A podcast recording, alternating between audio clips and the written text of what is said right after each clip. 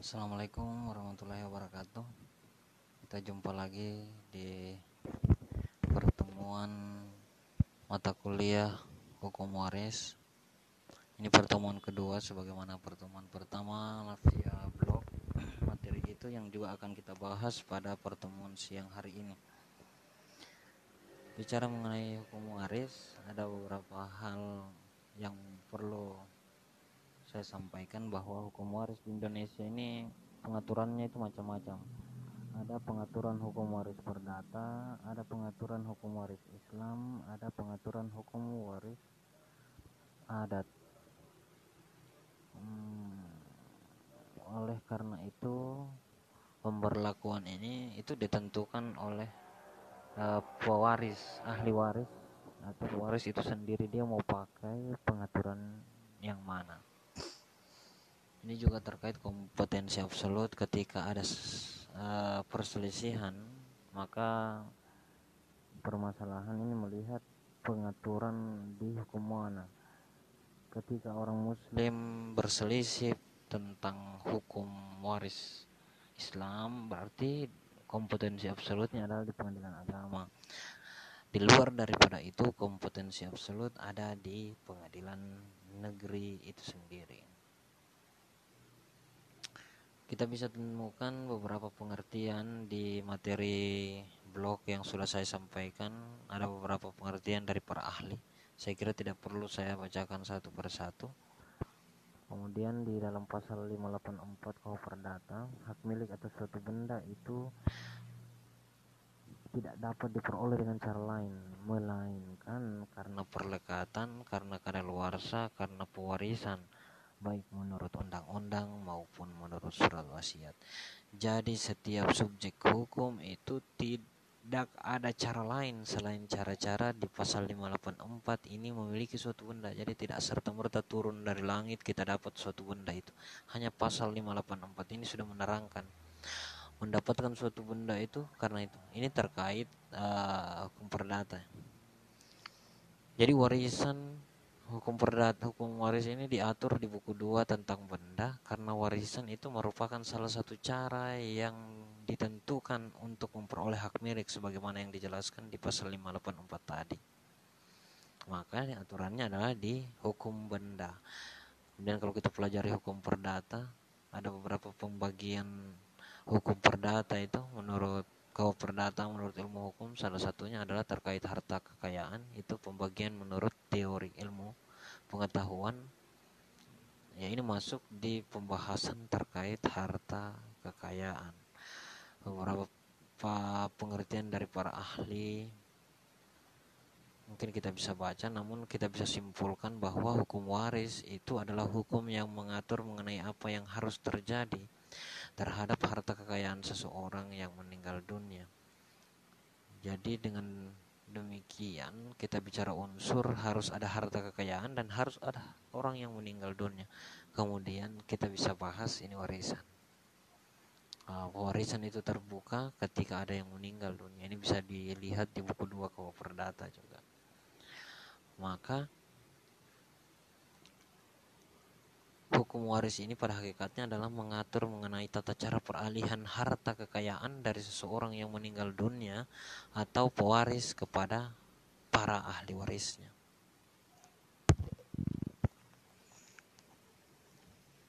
Kekayaan itu adalah semua hak, hak dan kewajiban yang dipunyai orang yang punya nilai uang.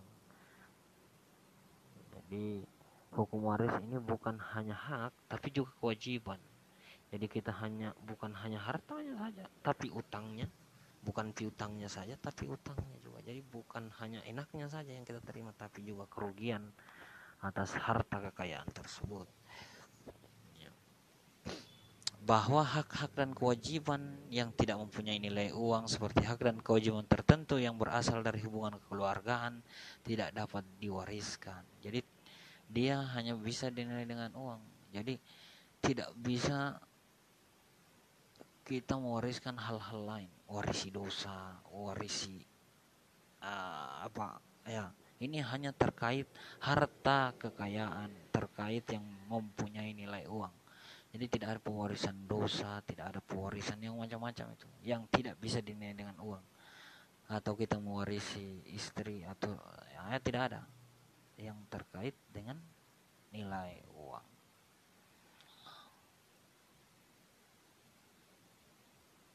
terkecuali ada beberapa hal yang mungkin dapat diwariskan uh, sifatnya itu ya, terga, ter, terpulang lagi kepada undang-undang atau perjanjian yang ada oleh pewaris mungkin. Oleh sebab itu maka unsur utama yang harus ada dalam pewarisan sebagaimana yang kita bahas yang saya bicarakan di depan tadi harus terjadi terhadap harta kekayaan yang punya nilai uang dan dia itu berasal dari hubungan kekeluargaan. Jadi asalnya itu dari harta kekayaan yang punya nilai uang dan ada hubungan kekeluargaan. Nah kalau tiba-tiba kita mewarisi tanpa ada hubungan keluarga itu kan tidak masuk akal di sini. Kemudian ada beberapa istilah di dalam hukum waris yang kita kenal seperti satu itu pewaris. Pewaris ini adalah orang yang meninggal dunia dan meninggalkan harta kekayaannya. Kemudian ada ahli waris, orang yang menggantikan kedudukan pewaris dalam bidang hukum kekayaan karena meninggalnya si pewaris dan berhak menerima harta peninggalan pewaris. Kemudian ada harta warisan. Jadi keseluruhan harta kekayaan yang berupa aktiva dan pasiva yang ditinggalkan oleh si pewaris setelah dikurangi semua utangnya. Itu tadi. Kemudian kita masuk ke pengaturan hukum waris di Indonesia. Kita bicara hukum waris di Indonesia ini macam-macam ada yang terkait tadi hukum waris perdata, hukum waris Islam dan hukum waris. Kita bahas pertama ini terkait hukum waris adat. Ya, kita bicara adat istiadat Indonesia ini kan heterogen. Nah, negara yang beragam suku bangsanya, agamanya dan adat istiadatnya. Itulah kondisi ini mempengaruhi juga pemberlakuan hukum di masyarakat itu sendiri. Nah, inilah hukum yang berlaku di masyarakat selain hukum positif juga hukum yang hidup, hukum adat ini. Jadi Terhar seorang pakar hukum dalam bukunya yang berjudul Begin Selen and Stelsel van Het Adat Re, ini pakar hukum adat sudah memberikan pengertian hukum waris adat itu adalah aturan-aturan hukum yang mengatur penerusan dan peralihan dari A ke abad, baik harta kekayaan yang berwujud dan tidak berwujud dari generasi ke generasi berikut. Hukum adat itu sendirinya adalah bentuknya tidak tertulis, hanya berupa norma, aturan, adat istiadat yang dipatuhi oleh masyarakat Begitu pula oleh hukum waris itu sendiri. Jadi dia tidak bentuknya tertulis. Kemudian hukum waris adat itu dipengaruhi oleh struktur masyarakat atau kekerabatan Indonesia. Jadi Indonesia ini ada hukum waris adatnya tentunya berbeda-beda lagi. Kalau kita bicara pengaturan hukum waris di Indonesia, ada hukum waris adat, hukum waris Islam, dan hukum waris perdata. Hukum waris adat ini terbagi-bagi lagi karena sistem adat di Indonesia ini juga berbeda-beda. Ada yang berdasarkan struktur kemasyarakatan, ada yang berdasarkan struktur kekerabatan. Kalau sistem kekerabatan atau keturunan, ada beberapa macam sistem pewarisan yang kita kenal di Indonesia. Sistem keturunan, sistem ini dibedakan menjadi tiga macam. Ya ada sistem patrilineal, berdasarkan garis keturunan bapak, sistem matrilineal berdasarkan garis keturunan ibu dan sistem bilateral. Ini berdasarkan garis keturunan kedua orang tua. Kemudian ada yang namanya sistem individu. Sistem ini setiap ahli waris berhak mendapatkan atau memiliki harta warisan menurut bagiannya masing-masing. Biasanya penerapan sistem ini itu yang menganut sistem kemasyarakatan bilateral tadi, yang menganut garis keturunan kedua orang tua. Kemudian ada namanya sistem kolektif. Ahli waris menerima harta warisan itu sebagai satu kesatuan yang tidak terbagi-bagi penguasaan ataupun kepemilikannya. Dan tiap ahli waris hanya mempunyai hak untuk menggunakan atau mendapat hasil dari harta tersebut. Jadi satu kesatuan uh, harta warisan itu diserahkan satu kesatuan. Dia tidak ambil hartanya, tapi yang dia dapat itu hanya hak penggunaan atau hasil dari harta tersebut. Kemudian ada namanya sistem mayorat. Sistem mayorat di sini harta warisan itu dialihkan sebagai satu kesatuan yang tidak terbagi dengan hak penguasaan yang dilimpahkan kepada seseorang. Ya, jadi harta warisan itu tidak terbagi tapi utuh dan diserahkan kepada satu orang saja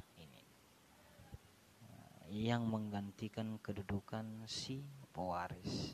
Itu beberapa sistem pengaturan hukum waris adat di Indonesia. Kemudian kita masuk ke hukum waris Islam. Kita bicara dasar hukum, tentunya hukum waris Islam ini kita harus baca di Al-Quran, Sunnah. Di Indonesia kita kenal namanya kompilasi hukum Islam ya. Pasal 171 dan 214 makanya untuk hukum waris Islam dasarnya itu kompilasi hukum Islam. Menurut hukum waris Islam ada tiga syarat agar pewarisan dinyatakan ada sehingga kita dapat memberi hak kepada seseorang atau ahli waris untuk menerima warisan. Pertama ini mirip unsur yang sudah kita jelaskan tadi. Pertama orang yang mewariskan atau pewaris telah meninggal dunia dan dapat dibuktikan secara hukum ia telah meninggal dunia. Jadi harus ada pewaris, harus ada pewaris yang meninggal dunia dan dapat dibuktikan. Kemudian ada orang yang mewarisi atau ahli waris masih hidup pada saat orang yang mewariskan itu meninggal dunia. Kemudian orang yang mewariskan dan mewarisi ini memiliki hubungan keturunan atau kekerabatan, baik karena pertalian garis lurus ke atas maupun pertalian garis lurus. Jadi ada berdasarkan keturunan, kekerabatan. Jadi tidak serta merta kita menjadi ahli waris tanpa ada hubungan. Ya itu, itu syarat menurut hukum Islam. Kemudian ada pengaturan hukum waris perdata di Indonesia. Atau biasa kita kenal ya hukum waris barat. Berlaku untuk masyarakat non muslim termasuk juga warga negara Indonesia. Keturunan baik Tionghoa maupun Eropa yang dasar hukumnya itu diatur di kitab undang-undang hukum Hukum waris perdata ini menganut sistem individual di mana setiap ahli waris itu mendapatkan atau memiliki harta warisan menurut bagiannya masing-masing. Jadi sudah ada bagiannya, tiap orang itu sudah diatur bagiannya sedemikian rupa. Dalam hukum waris perdata ini ada dua cara untuk mewariskan. Mau satu itu pewarisan berdasarkan undang-undang atau mewariskan tanpa surat wasiat yang disebut ab inste instatato. Jadi pewarisan satu berdasarkan undang-undang dan pewarisan berdasarkan surat wasiat. Jadi kalau hukum data ada dua cara mewariskan, satu pewarisan menurut undang-undang dan kedua itu pewarisan menurut surat wasiat. Pewarisan menurut undang-undang itu ada empat golongan ahli waris menurut kitab undang-undang hukum perdata. Golongan pertama itu terdiri dari suami istri dan anak-anak berserta keturunannya. Kemudian golongan kedua terdiri atas orang tua dan saudara-saudara beserta keturunannya. Golongan ketiga terdiri dari kakek, nenek, serta seterusnya ke atas. Dan golongan empat terdiri dari keluarga dan garis menyamping yang lebih jauh, termasuk saudara-saudara ahli waris golongan tiga beserta keturunannya. Jadi kalau kita bicara pewarisan ahli waris menurut undang-undang KUA Perdata membagi tadi ini menjadi empat golongan. Golongan satu, golongan dua, golongan tiga, golongan empat. Ya. Kemudian ada pewarisan berdasarkan surat wasiat. Surat wasiat ini adalah pernyataan seseorang tentang apa yang ia kehendaki setelah ia meninggal dunia oleh si pembuatnya dan tidak dapat diubah kecuali dia masih hidup. Ya, pasal sesuai dengan pasal 992 KUH Perdata. Dan dilakukan ini di hadapan lewat bisa di hadapan atau via notaris. Syarat pembuatan surat wasiat ini berlaku bagi mereka yang sudah berusia 18 tahun atau lebih atau sudah menikah. Yang termasuk golongan ahli waris berdasarkan surat wasiat adalah semua orang yang ditunjuk oleh pewaris melalui surat wasiat untuk menjadi ahli warisnya. Jadi kita bisa lihat perbedaannya. Kalau di pewarisan menurut undang-undang, golongan ahli waris itu sudah dibagi golongan satu, golongan dua, golongan tiga, dan golongan empat. Berbeda dengan pewarisan menurut wasiat. Ahli waris itu adalah semua yang orang yang ditunjuk oleh si pewaris berdasarkan surat wasiat itu sendiri.